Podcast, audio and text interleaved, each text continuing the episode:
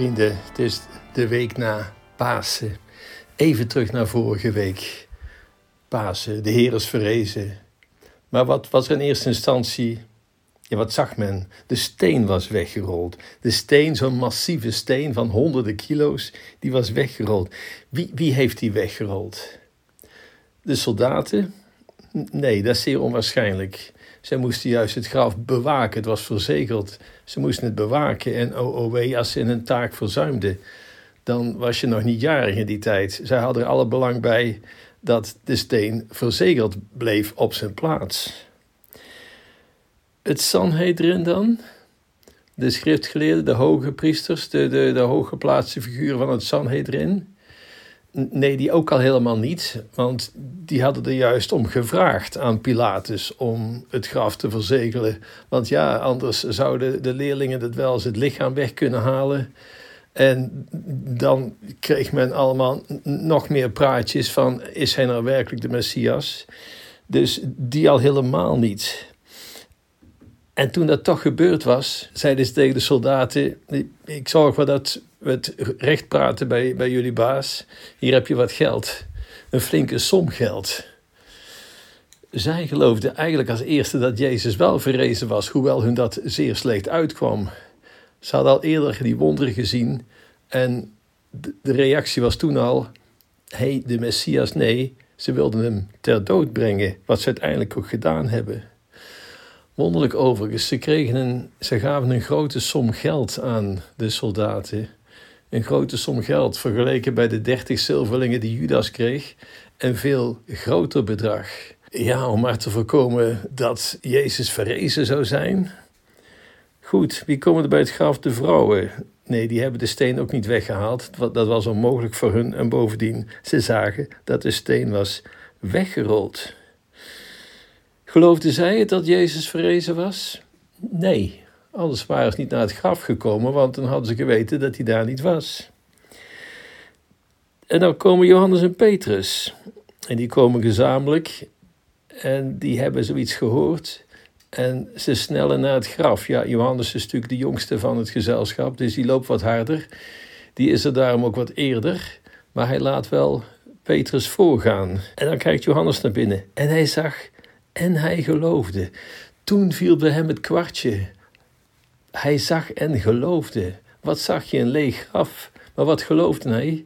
Dat de Heer verrezen was. Kijk, Jezus had natuurlijk eerder gezegd: breek deze tempel af en in drie dagen zal ik hem herbouwen.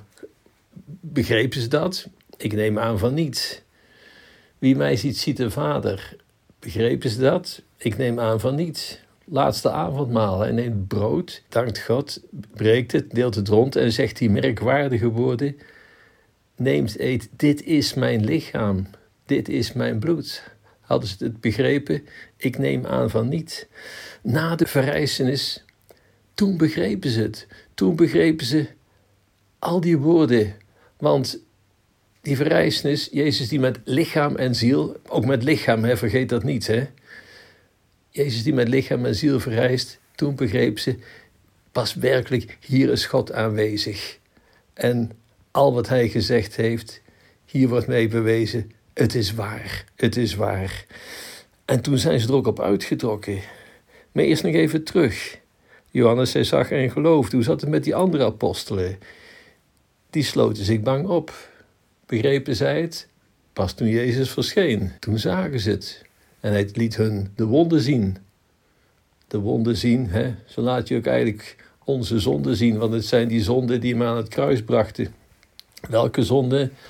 Lafheid, verraad, vreedheid, bespotting, noem alles maar op. Alles neemt Jezus in zich op.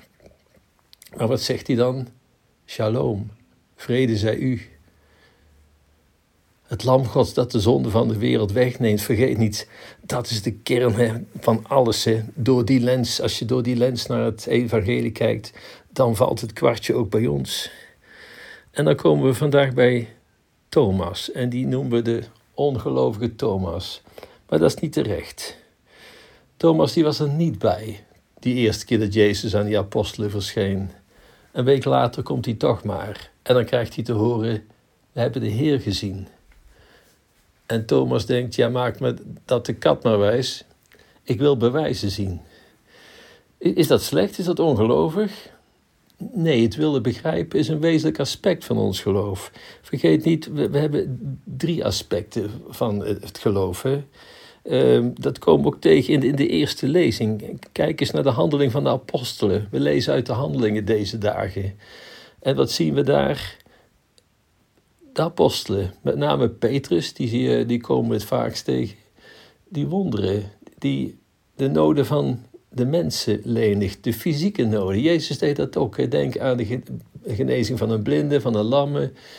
Eh, denk aan de wonderbare broodvermenigvuldiging. Dat is een van de aspecten van de kerk. En, en, dat moet ook wel, want hoe kunnen we anders voldoen aan die belofte, nee, aan die woorden van Jezus? Alles wat je voor anderen hebt gedaan, heb je voor mij gedaan. Oftewel, handen uit de mouwen steken, maak werk van je geloof. Dat is het eerste aspect. Maar we komen nooit tegen in die lezingen bij de handelingen. De contemplatie, de overweging. Ja, wie is Jezus eigenlijk? En wat komt daar te pas? Het gebed, de sacramenten, de devoties. Ze bleven trouw aan de leer van de apostelen, het gemeenschapsleven, de Eucharistie, het breken van het brood en het gebed. Dat hoort erbij. Vergeet niet dat al die mensen die echt handen uit de mouwen hebben gestoken, of het nou Pirke Donders was, of Pater Damiaan, of Moeder Teresa, of noem ze allemaal maar op dat waren mensen van gebed, hè? dat hoort er wezenlijk bij. Maar er is nog iets, we hebben nog een derde aspect.